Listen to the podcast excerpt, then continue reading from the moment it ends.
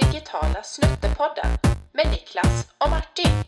Presenteras av Bombay Works. I took the initiative in creating the internet. You got mail.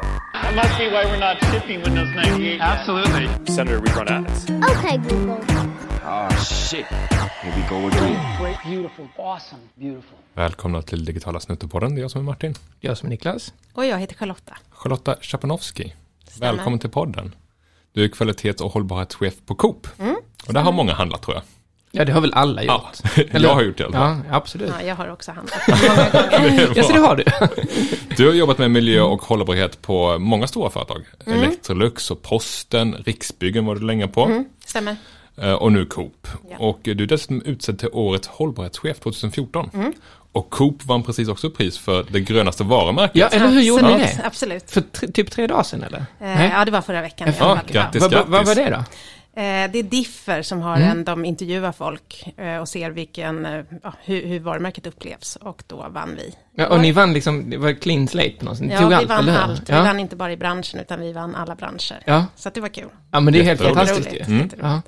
Ja. Stort det, det finns ju ett, liksom, ett varumärke i botten på Coop som, som eh, klingar hållbarhet tycker jag. Jo, jo, absolut. Nej, man börjar inte från noll. Men eh, om man lyckas vinna allt och på alla branscher, då har man väl lyft sig. ordentligt. Absolut. Ja, så bra jobbat ju. Vi ska vinna ännu mer. Det är bra. Tävlingsinstinkt gillar vi. Ja, Dagens tema är ju såklart hållbarhet, men även lite digitalisering tänkte vi. Men vi brukar börja med fem snabba frågor bara för att komma igång lite. Känner du dig redo? Jag är redo. Mm. Ska du ta den första då, Niklas? ja men då frågar jag så här, Bamse eller Skalman? Bamse. Ja, och varför frågar jag det då? För jag läste en artikel om eh, året du var och föreläste. Ja. Vad var det, handlade det om då? Jo, det är att jag tycker företag behöver vara både starka och snälla. Och ofta tycker jag man blandar ihop det där lite. Så att jag som jobbar i kooperation, jag har ofta ett väldigt snällt företag. Men vi behöver också vara effektiva och starka, annars kommer inte hållbarhetsarbetet att funka. Och så tvärtom då med de här effektiva och snabba företagen, eh, som kanske är lite mer effektiva än vad vi är då. Men de behöver ha mer snällhet. Så att det är, det, båda de här delarna behöver finnas med. Annars så får man inte ett effektivt hållbarhetsarbete. Nej, eller hur? Och då är Bamse, han är ju, om man är stark måste man vara snäll, är det så? precis. Ja, exakt, och då där jag Bamse att, för ja, man behöver ha båda. Och, precis, och vi jobbar ju med stora bolag, vi jobbar ju med Ja. Electrolux som du var anställd på tidigare och så, och vi pratar ju också om att storbolag, det är ju som en oljetank, och kan man få den att vända lite så kan det ge en enorm effekt, så då måste man ju vända en snäll riktning, eller hur? Ja. Ja, jag håller Att- på mycket med Electrolux fortfarande. Min man jobbar som designchef där. Så att jag, Jaså, vad spännande. wow, cool. Ja. jag knuffar in lite Du, då har, hållbarhetsfrågor där då har de gjort bra jobb med den här nya dammsugaren som jag älskar. Den här eh, nya handhållna som eh, man sen kan lyfta och gå runt. Och, ja, jag vet i alla Ja, fall. jag har inte, Alltså, den är men det, det har magisk. säkert gjorts Ja, på den är designavdelningen magisk, där. Ja, Ja. de är Den jättebra de på designavdelningen Ja. på Handla i butik eller via nätet? butik. Butik. Jag bor mitt inne i stan så att jag, jag gillar att gå in och titta Ja. i butiken. Mm. Man ska ta på grönsakerna och titta lite så här. Ja, Absolut. ja härligt. Ehm, då frågar jag så här, entreprenör eller intraprenör? Intraprenör, absolut. Eller hur? Mm. Eh. För visst var du eh, nominerad eh, 2017? Mm, det stämmer. Och vad, vad menar man med intraprenör då?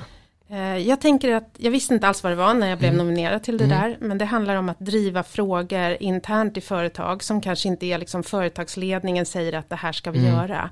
Så jag blir liksom satt i roller som hållbarhetschef till exempel, där jag måste driva en helt egen agenda egentligen för att få någonting att hända. Och så försöka få in det så mycket som möjligt och integrera. man är nästan en, en, lite av en rebell inom bolaget, fast en snäll rebell då? Absolut. Ja, ja. Och det var jag på Riksbyggen, där jobbar jag också med alla utvecklingsfrågor och ledningssystem och systematik och så. Så det var också samma eh, rebellion jag fick hålla på med där. Ja, coolt. Så, eh, Ja. så det är, jag tror att det är ett väldigt liksom, signum för mig att jag är nog en väldigt entreprenör. Ja, och det går ju tillbaks också till att vara på ett ställe där det finns mycket kraft i ett stort bolag och kunna vara då framåtlutad i det bolaget så kan man få mycket påverkan, mycket hävarm på det. Ja, och då gäller det att putta överallt. Liksom. Ja, Om du då fick välja helt fritt vem du skulle vilja ha med i nästa reklamfilm med Coop, eller inte helt fritt, välj mellan två namn. Greta eller Bill? Med Bill menar Bill Gates. Ehm, ja, men jag tror på Greta. Du tror på Greta? Jag tycker hon är cool. Mm, ja, Shit verkligen. vad bra hon gör. Ja. Mm. Så ja, det är helt otroligt. Hennes namn står ju inritat, eller inritat, vad menar- I- i isen, ja. eller hur? När man går på Kungsbron. Ja, jag har sett det Så också. står det Ja. Heja Greta Ja, eller vad det står, ja. Go Greta. Så. Ja, coolt. Väldigt snyggt gjort dessutom. Jag Ja, undrar vilken mall de har använt ja. för att få det så här perfekta bokstäver. Som sån här gamla Inka, eh, vad de nu kallas. Ja. Ja, fast lite Men mindre. hon går nog inte att köpa till en reklamfilm. Nej, hörni. nej, hon är Så smart nog för att inte bli köpt. Absolut, absolut. Jag tror inte man kan köpa Bill Gates heller i och för sig. Nej, Han men, men han skulle kanske gå liksom, men hon är benhård. Ja. Då tänkte vi, vi brukar ha en avslutningsfråga på de här snabba frågorna. Vad är det bästa man har köpt för under tusenlappen? Nu tänkte vi skulle vara lite anti det. Inte så kommersialistiska. Vad är det sämsta du har köpt? Eller vad är det bästa du har avstått från att köpa? Under förra Oj, året? vilken svår fråga. Jag handlar faktiskt inte så mycket. Det Nej. är min man som står för all handling, Mm. även kläder och allt sånt där. Så att jag är, jag tycker det är jätteointressant med Mm. saker, ska jag säga. Ehm, så att jag kan inte svara Men då har du kanske en lång lista egentligen på saker du inte handlat. Bara det att du Ja. vet inte om vad du inte handlat, för så är det ju ibland, eller hur? Alltså jag tänker alltid om det verkligen finns ett behov Mm. av det som jag handlar, annars så handlar inte jag det. Så att eh, det blir faktiskt inte så mycket. Nej, det är ju lätt att plocka på sig grejer. Det är svårt att slänga och bli av med saker så det fylls på. En sak som jag kanske kan säga det är ju resor då. Jag älskar ju att resa och eh, har ju gjort mycket resor. Och det blev ju inte av på grund av covid men det är också så att vi verkligen har dragit ner på alla våra weekendresor. Så nu tar vi tåg till eh, svenska städer istället och bor på hotell där. Smart. Så det kan man väl säga är en sak som vi verkligen har Ja, slutat att handla. just det. Jag tänkte, det är ju svårt, hållbarhet är så stort. Så jag tänkte vi skulle börja någonstans lite mer eh, pragmatiskt. Jag tänkte vi börjar eh, i det som du tagit fram åt Coop nu. Din hållbarhetsmärkning som du tagit fram. För det är rätt svårt för en konsument att vara hållbar. Det är väldigt mycket man ska tänka på när man står i butik. Och vad är egentligen hållbart och på vilka parametrar är det hållbart. Och kan du berätta lite om den här hållbarhetsmärkningen som du har tagit fram? Ja, och det är egentligen ingen märkning utan det är en deklaration. Så att okej. det här deklarerar då, hur ser det här, den här varan ut? Då måste jag avbryta det var. Deklaration versus märkning, vad är det som... För Nej men märkning det är ju mer att man går in och så kanske sätter kriterier och så Okej. märker man att någon uppnår de All right, kriterierna. som Just svanen till exempel. Ja, Jaha, med. Medan här så är det ju mer att vi då tittar på, ja, men hur är den här varan? Och vi har ju, eh, i våra deklarationssystem nu så har vi 16 000 varor och vi går ner på ingrediensnivå och tittar då på hur presterar den här varan? Och då kanske en, en eh, vara är gjord av fem ingredienser så ni förstår vilket stort arbete Ja, det är. hur lyckas man göra det? Det känns ju som att man måste ha en hel armé av Ja, folk vi har som jobbat i jobbar. två års tid, Ja. eh, hela min, mitt hållbarhetsgäng och Okej. eh, eh, med våra leverantörer. Så det är ett jättestort jobb Mm. och vi har digitala plattformar sådär för att samla in de här datan. Så det är ett jättejobb vi har gjort. Det är tio olika parametrar som vi deklarerar, där Mm. klimatfrågan till exempel är en parameter. Eh, vi har också med vattenanvändning, vi har med övergödning, ja, vi har med djurvälfärd. Så tio olika parametrar som branschen själva har satt ner foten och sagt att det är de här som är de viktiga att adressera. Så vi har lyssnat på branschen och sen har vi gjort det här verktyget själva då för att liksom få siffror på det här då. Wow, men hur, som konsument då, hur, eh, vilka parametrar ska man väga in då? Det beror på vad man tycker och tänker, eller hur? Ja. Alltså det är där jag tror ju digitaliseringen kommer kunna Mm. hjälpa oss så mycket. Eh, därför att hållbarhetsfrågan är tyvärr komplex. Det är ungefär som vilket ekosystem som helst, som våran kropp. Om vi då mår dåligt och så säger vi att ja, men det är både hjärtat och levern så hjälper det liksom inte om vi bara åtgärdar hjärtat. Den här personen kommer att dö ändå. Och det är precis samma sak med ekosystem ute i naturen. Det hjälper inte att vi bara går på klimatfrågan. Om vi skiter i vattenanvändningen då, kommer inte, då kommer systemet att kollapsa. Ja. Så vi måste hålla allting i, i huvudet samtidigt. Kan vi då med hjälp av AI, olika digitaliseringar, då kommer vi kunna till slut ta beslut på en övergripande nivå i ett system snarare än att liksom välja ut en parameter. För, för visst är det så att även om man vill vara Bamse och så, så ibland skulle man behöva vara Skalman också för att kunna få den här holistiska bilden av gör jag rätt eller gör jag fel. Som typ så att cykla till eh, jobbet är, känns ju bra. Ja. Men samtidigt kanske bättre att gå, för då slipper jag ju få dubbarna som slits i, eh, när jag åker med cykel med dubbdäck och det är inte bra. Och sen så måste jag köpa nya däck och så får jag punktering och så vidare. Då är det bättre att gå, Fast- men då slits ju skorna. Fast jag Alltså, tror att när man kommer ner på absolut. den nivån så har man, har man failat. För att om konsumenten måste tänka så mycket så kommer ingen vilja vara hållbar. Jag tror man måste göra det enkelt för folk. Men Och det, ta ett det rätt vi gör beslut, då liksom. med, med um, hållbarhetsdeklarationen, det är de här tio parametrarna. Då får du deklarerat hur det är på tio olika parametrar. Sen finns det ju system, alltså det finns ju märkningar som till exempel krav och sådana som, som omfamnar miljökrav omfamnar åtta av de här tio parametrarna till exempel. Så vill man göra det enkelt, då Mhm. Ja, måste ja, då man gå man till krav märkningarna. Men det som är problemet nu, det är ju att det börjar bli som kunskap i samhället och vilja. Och då kanske folk går så här, men jag ska ha något som är bra för klimatet. Och då kanske All man right. väljer något som är bra för klimatet. Men så är det dåligt för övergödningen. Mhm. Och då blev ju inte det ett riktigt bra val då. Mm, Så att det finns redan olika verktyg som är förenklingar, Mm. men vi använder dem inte till lika stor utsträckning, eller det går inte tillräckligt Nej. fort, för att man går och tror att man, eh, jag tar bort palmolja, då är, då är det bra. Det. Men då kan Vad du har man göra, istället? Ja, då kan du kontra, göra en kontraproduktiv handling, för att Just du det. har valt ett ensidigt spår när du måste se helheten som ett system. Superintressant. Vad hade du valt Niklas av de parametrarna? Vad är viktigt för dig? Alltså det, jag, nej men jag älskar ju Östersjön, där har vi ett sommarhus. Och sen Mm. så är det klart att jag vill ju att det ska vara schyssta villkor och etiskt rätt för eh, folk runt om i världen. Och sen så vill jag ju inte heller att det ska bli översvämningar, så vill jag inte ha någon, alltså det- jag är Allt. dålig på att välja. Jag, tycker får väl vatten- överlåta det till min fru, hon är mycket bättre på vattenbeslut än vad jag är. Ja, jag Men, men det är det vatten- som jag, du kan ju inte Nej. välja. För att om, om, om vi säger att då, då har vi en tiondel av befolkningen som väljer vatten och Mm. en tiondel som väljer övergödning och en tiondel som väljer någonting annat. Då kommer vi inte komma framåt till någonting. Nej. Utan vi måste försöka liksom optimera utifrån att vi ska nå ett system. Och det är det här vi har så svårt för i samhället. Vi blir på något sätt lite knäppa när vi, när vi är ett kollektiv. Ja, precis. Alla går all in. Det, det var lite som när eh, vi fick hit en anställd som har jobbat i eh, London länge, länge, länge. Och då spelades det svensk musik för henne här för att hon var tvungen att komma igång igen. Då. Och då spelades det Massarin, Per Gessles eh, skiva från länge sedan. Okej. Alltså, och jag var bortrest den sommaren, men när jag kom tillbaks då från Guatemala i augusti där, så gick alla mina kompisar och lyssnade på Per Gessle och hade fått masspsykos. Aha, ja. För alla tyckte, åh vad bra det var, men det var det ju inte. tyckte jag då. Men alla tyckte det. På samma sätt som att alla plötsligt då inte ska köpa palmolja kanske. Ja. Mm, och så blir det fokus och då tycker man att jag har gjort mitt för jag köpte inte palmolja. Ja, och då kan det bli kontraproduktivt. Ja. Och just nu så är vi inne i en klimatförändring som är extremt allvarlig. Mm. Så att vi gör så på Coop att vi ändå sätter mål på just klimatparametern men ser till så att alla andra inte får röra sig åt fel håll. Just så att det. Mm. vi håller schack på dem. För det är det vi inte gör i samhället utan vi sätter ju ett mål på klimat och sen så råkar det vara någonting annat som sker. Ja, det är risk att man suboptimerar lite för mycket. Så vi ska inte nå klimatneutralitet, vi ska ju nå en hållbar utveckling. Ja. Och inte klimatneutralitet som inte är en hållbar utveckling. Eh, du känns som en väldigt positiv person kring de här satsningarna. Så ibland så kan man ju bli lite som konsument nedstämd över att man är konsument och att det är nästan omöjligt att lyckas bara för att man egentligen är människa och finns i denna värld. Eh, så, eh, har du sett den här, The vet du, Life of Brian? Ja, det har jag gjort, det var länge sedan. Eller hur? Det var länge sedan. Och så sitter de på- den där så sitter thin minute. Ja. You're all individuals, I'm not. Och sen så på slutet så sitter de på korset och så kommer räddningspatrullen och ska rädda dem. Men det är en självmordspatrull. Så de bara tar livet av, av sig. Ja. Eh, och ibland känns det som, det här är väldigt pessimistiskt och dystert, men ibland känns det som att enda sättet att vara en hållbar konsument är ju typ självmord. Nej, Förstår- så kan man inte se. Nej, alltså det, Förstår- finns, det finns resurser till Förstår du alla. min jag ångest i förstår, det, förstår. alltså? Men det finns resurser för alla, alla som finns på jorden. Ja. Eh, Det är inga problem, men vi måste vara smarta. Ja, okej. Vi måste göra... Så det är ingen omöjlig ekvation? Så att det man måste träna på det är att göra förändringar åt det bättre hållet hela tiden successivt. För att Mm. Ja. förändra dig, det kommer du behöva göra. Ja, eller hur?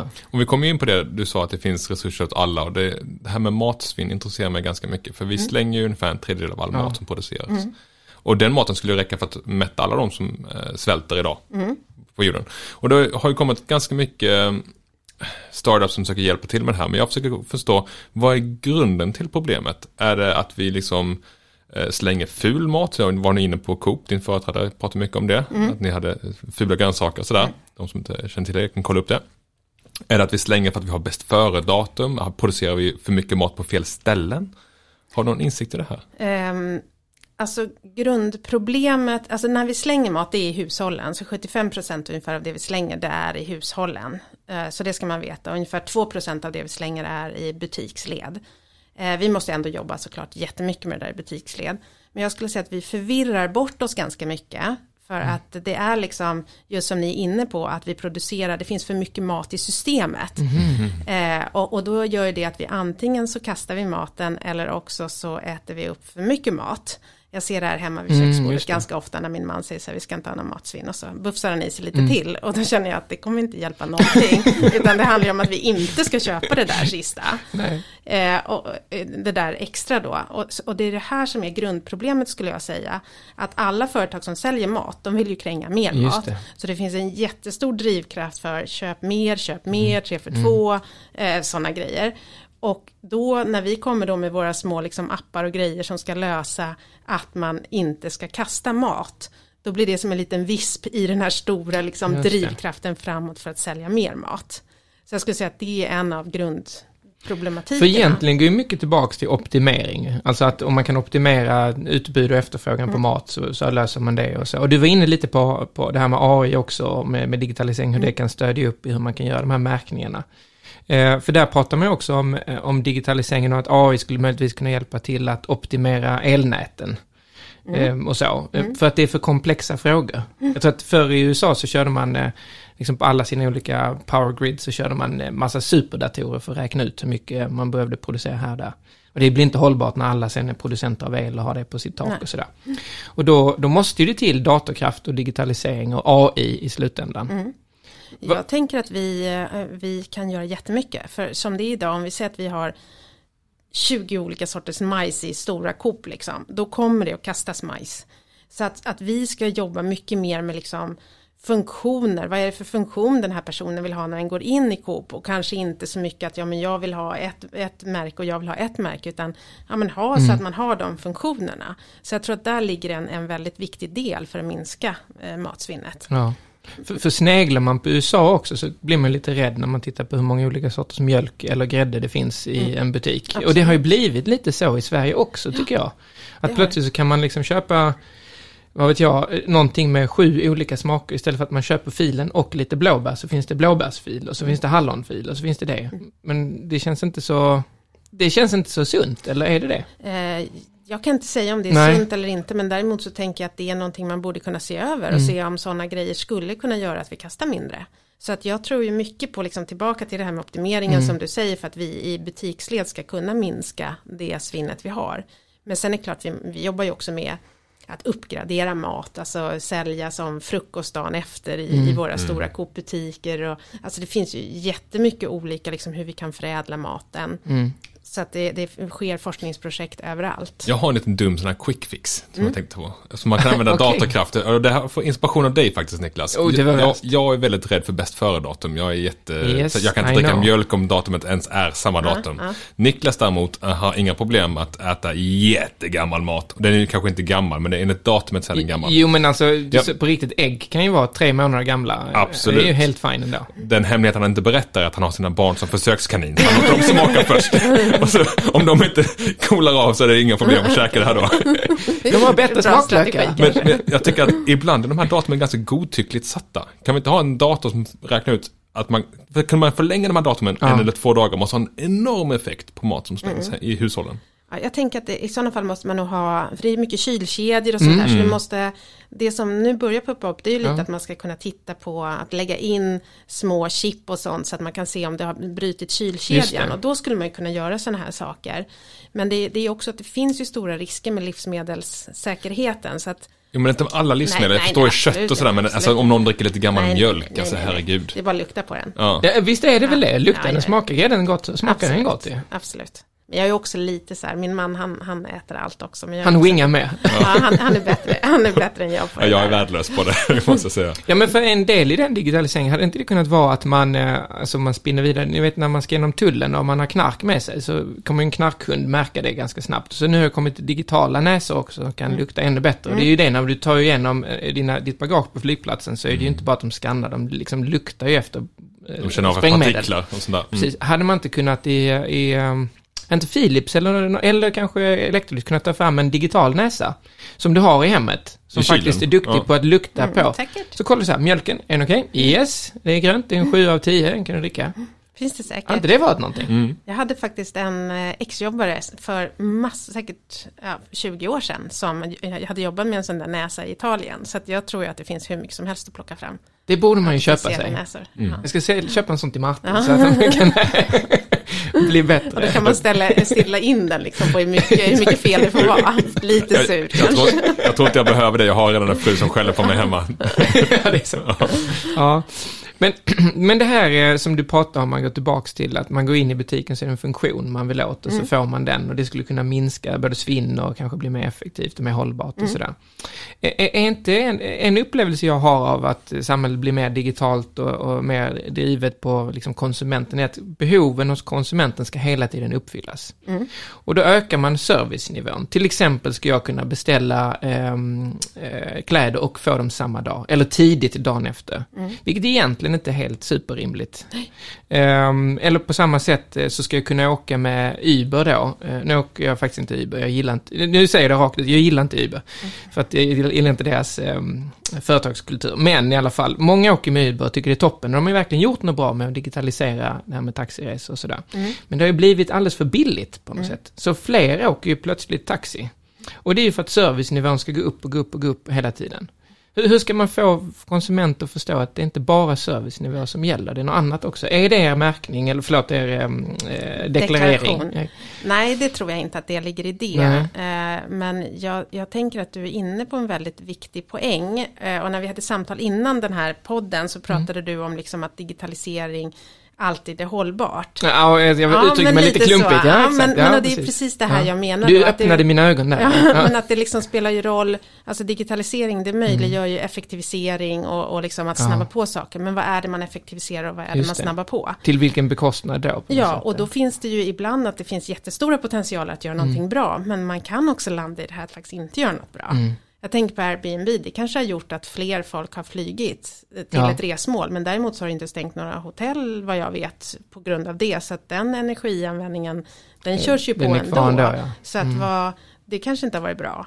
Eller som Sellpy, det är ju en, en fantastisk grej, du kan köpa gamla kläder, men så länge du inte går och struntar i att köpa en, en, Nej, en nya, då har det inte varit någon vinst med det Nej, heller. då blir det bara att du lägger på ovanpå, ja. Ja, så att det gäller liksom att hela tiden tänka till. Eh, vad är det man effektiviserar och snabbar upp när man jobbar med digitalisering och vill driva mot en hållbar utveckling. För jag tänkte på det, det digitala är ju i sin natur faktiskt förgängligt, inte hållbart. Det är alltid nytt, nytt, nytt som gäller digitalt, eller hur? Alltså alla nyhetsflöden, allting är bara nytt. Det är ingenting som håller sig särskilt väl där. Och då kommer jag att tänka på, det finns ju Wayback Machine, man kan kolla på hur sajter såg ut förr i tiden och sådär. Det finns internetstiftelsen som har ett internetmuseum som man kan gå och titta i. Men för vår bransch, Niklas, när kommer företag börja väga att uppdatera sin hemsida för att göra ett statement? Att inte lägga massa kraft och energi. För att den är mer hållbar, för vi har kvar vår gamla design, för den funkar fortfarande. Ja, jag tror att det är lite suboptimerat kanske. Är det det? Mm.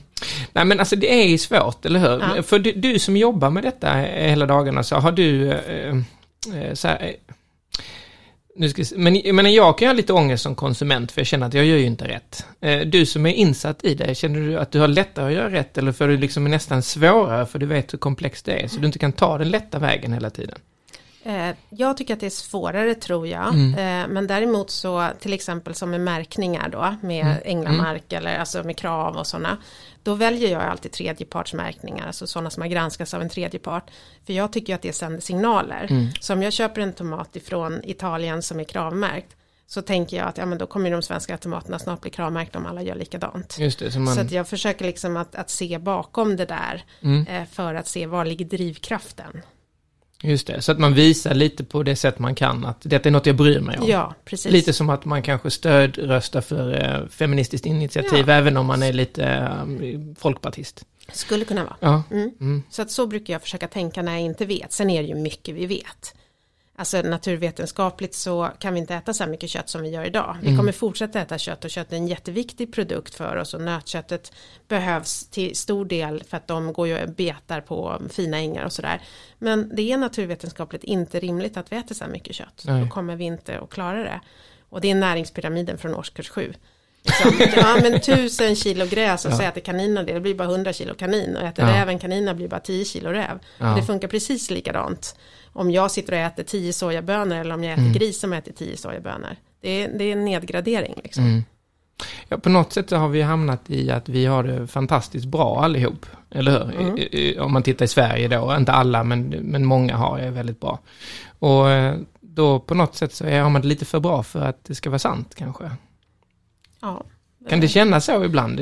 Om vi backar lite bandet, alla åkte, flög runt hit och dit 2019. Mm. Och eh, man konsumerar mer och man eh, liksom tävlar med varandra för social media som har massa baksidor och driver på en konsumtionshets. Mm.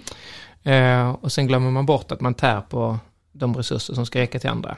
Det är klart att det ligger mycket i det. Det finns någon känd, nu kommer jag inte ihåg vad han heter, men en, en nationalekonom som säger att vi handlar saker vi inte behöver för att göra intryck som inte består på människor vi inte tycker om. Eller någonting sånt. Det är inte kanske riktigt quotat, men det, Jo, jo, det säger någonting om, Ja. om det samhället vi har fått. Ja, Men däremot inte sagt att vi är lyckligare för det. Så Nej. jag tänker att det handlar om liksom hur vi hittar rätt i den här djungeln av att faktiskt bli lyckliga men på ett mycket smartare sätt. Så Mm. jag tycker att vi ska ha det bättre i framtiden än vad vi har idag. Mm. Men vi måste vara smarta. ja, just det. Jag- Ja. Jag tänkte på hur, hur funderar ni kring det här med eh, butiksstorlek kontra e-handel och så vidare. Vad är mest hållbart? Är det att ha mindre butiker i närheten inne i stan? Är det att ha sådana stora mega, stora Coop, tror ni kallar det för, på Coop? Eller är det e-handel som är framtiden? Det finns ju mycket transporter här fram och tillbaka också. Alltså, du, är, du är inne på en jätteviktig fråga som, eh, där det faktiskt är så att det är produktionen av varorna som står för nästan all klimatbelastning. Så 98% av våra totala utsläpp kommer ifrån produktion Produktionen, av våra mm. varor. Mhm. Eh, och sen har ju vi drivit vi butikerna och vi har, har transporterna och så. Så ni förstår hur lite det är som faktiskt är i, eh, Så i det är inte transportled. försumbart, det är inte det som man ska fundera på då. Nej, fast ändå så har vi ju, det tar ju också yta, ytplats. Vi kör ju med tåg så att vi har ju väldigt bra, bra prestanda på våra transporter som körs inom landet då. Men eh, det är inte i transportled som klimatbelastningen ligger och det är många som tror det. Det är klart om man flyger några bär någonstans ifrån så kanske det kanske är över. Men, men i det stora hela så är det produkterna. Ja, det är så. Så det är inte så att oxfilé från Brasilien är dålig för att den flygs från Brasilien? Nej, nej. Okej, utan för att man skövlar regnskog och så vidare? Absolut. Så det är Aha. helt det är själva produktionen som spelar roll. Ja, all right. Alltså Sen här- är det ju klart om ja. de produceras likadant, då är det ju dumt att... Ja, ja, precis. Då finns till. det ju en fördel att den är lokal. så, Ja. att, så det finns ju fördelar med att det är lokalt och vi gynnar liksom den svenska Mm. näringen och alla sådana saker. Men klimatmässigt nej. Men det här är ju, det- här ger ju, man blir ju galen på sig själv för att man tycker att man är någorlunda beläst och upplyst, men man fattar ju ingenting ändå. Alltså, så det här du berättar för mig nu, det- så hade, jag hade inte gjort den gissningen. Nej. Det känns ju som Hans Rosling-testet, att man säger, ah, det är nog 50-50. Ja, nej, men det, det är ju svårt. Det, det är det som man måste acceptera, att det är svårt. Mm. Och det här är ju livscykelanalyser som jag bygger det på, som jag har jobbat mycket med. Så att det, det är liksom, det är så, det är produkten som, när man producerar den, som står för väldigt, väldigt mycket. Om Ja. det inte är elektriska produkter. Jag hajade ju till när du sa kravmärkta tomater från Italien. Mm. Tänkte, det kan man ju inte köpa för de har ju flugit hit från Italien. Mm. Men det är alltså flyg, inte det. Körs Eh, inte de med, med flygs till tomater? Nej, Nej, de måste väl flygs- åka I don't know. Ja. Ja. Men, men jag tänker att eh, jag vet inte riktigt hur produktionen, där beror det nog på om det är växthus eller inte. Mm. Så skulle den stå på växthus här i Sverige, då skulle det förmodligen ha en mycket större påverkan än om den där tomaten eh, transporterades Ja, hit. Just det. Eh, sen måste man gå in och titta på varje vara på liksom, livscykeln. Det är det som är lite klurigt. Och det är därför jag tror på Ja. genvägen. Och det går tillbaka till det er klassificering då, eller förlåt, vad kallar ni det för? Deklaration. Deklaration, exakt. Det, då, då är egentligen inte hållbarhet och globalisering någon slags motsatsförhållande. För det har jag alltid tänkt att hållbarhet och globalisering, det blir tufft med alla de här transporterna och så vidare. Att man, det är snarare så att de ska produceras på rätt sätt i varje Ja, land. vi, vi tittar ju väldigt mycket på hur. Mm. Hur producerar saker. Men sen inte sagt att vi ska hålla på och liksom frakta runt på grejer i onödan. Det ska man ju såklart inte göra. Men det är viktigt att veta var ligger, var ligger problematiken. Ja. Och så, säg som vatten till exempel. Där är det ju väldigt viktigt som vi gör i deklarationen också att titta på. Finns det vattenbrist där där det produceras? Så man kan ju inte bara titta på hur mycket Mm. Det. Mm. vatten går åt när saker produceras. Så det är mycket att tänka på i varje sån här axel. Då. Just vatten är ju underskattat. Jag tänker mycket på det. Jag hörde, jag tror jag läste någon, faktiskt i ert material, att det krävs 200 liter vatten för att göra en avokado. Mm, det kan nog Det är stämma. helt sinnessjukt. Man tänker ju inte på det att det är liksom i produktionen så blir det är, sådana Ja. enorma mängder vatten som görs. Nej, Och så är var tredje avokado typ lite dålig när man öppnar den. Ja. Ja, och säljs inte. Eller äts inte i alla fall. Nej. Mandel är ju en sån där också. Nej, är mandel dåligt? Alltså mandel från Kalifornien ska man ju helt Nej, helst inte inte köpa då, eller jag kanske inte ska vara så hård, men, Ja. men jag tänker att eh, där behöver den ju verkligen ha någon Ja. märkning. För Ja, att för där behöver de vattnet. det är, ju- ja. det är jättestora vattenproblem Ja. i Kalifornien. Så det är kallas ju för The köper. Dust Bowl. Jag körde ju från eh, San Francisco till Los Angeles där på baksidan av Kalifornien om man ska kalla det för det. Och det är ju skrämmande. Mm. Det är ju rena öknen. Och där börjar liksom de här vatten, grundvattentäkterna, de börjar ju liksom försvinna och då trycks ju marken ihop och det går inte att fylla på. Så att det, det är ju en, en, en, ond cirkel vi är inne i. Så det är också en jätteviktig fråga. Så det kan man också se i deklarationen. Precis, men då, och när sa du deklarationen lanseras? Ehm, Eh, I april, 15 april. 15 april, och då kommer det vara på alla Coop-butiker runt omkring, eller Alltså hur? vi kommer inte ha dem fysiskt utan vi kommer ha det digitalt. Mm. Och anledningen till att vi inte har det fysiskt det är ju för att vi, vi jobbar ju med leverantörerna nu Mm. och det här är ju till för att det ska bli ett förbättringsarbete hela tiden. Så om jag ser då, men olivoljan här, den har en väldigt hög vattenpåverkan. Då vill jag ställa krav på våra leverantörer så att de ska göra någonting åt det. Och då vill ju inte vi ändra på förpackningarna. Nej, det verkar ju besvärligt. Ja, så därför så vill vi ha dem digitalt och då kommer de finnas i vår app, i Coop-appen. De kommer finnas i vår Scan and Pay-app som vi har nu som man bara kan scanna. Jag vet inte om ni har varit, det finns Absolut. på Sveavägen och nere i Hagastan. Så där kommer det finnas så du direkt i köpögonblicket då kommer se hur den här varan ser ut. Eh, vi kommer ha på online-shoppen och så. Och när du säger 16 000 varor så låter det ju väldigt mycket. Jag vet inte hur mycket varor ni har i en butik eller Alltså, vi hur har stor ju- andel är det som täcks av detta? Ja, det är ju alla som vi upphandlar centralt just nu. då. Okej, Så sen gäller det att få med de andra, men så det är ju det är ju jättestor andel. Det, ja, okej. wow. Men så från den 15 april så ska man uppenbart handla på Coop istället för någon annanstans då? Absolut. Eller hur? Jag kommer Ja. lära dig jättemycket Ja. att handla på Coop. Och sen så kan jag tänka mig att de som är väldigt trogna och handlar på, eh, vad vet jag, någon konkurrent till det, det finns ju sådana, eh, de kan ju ändå ha nytta av appen för att faktiskt titta på en motsvarande vara. För att vissa varorna är väl, eh, finns kanske i en annan butik också. Absolut. Och då kan ju ni bidra inte bara till den konsumtion som sker hos er, utan till andra. Mm. Eller? Och vi kan ju bidra om vi ställer krav på en producent av olivolja så, och de förbättrar den, då lär de ju inte ha den dåliga inte ha det. till, till, till ICAs. Så det är klart att det här kan bli, Ja, eh, får vi till det här med de här ständiga förbättringarna Ja. så kommer det att bli en jättestor skillnad.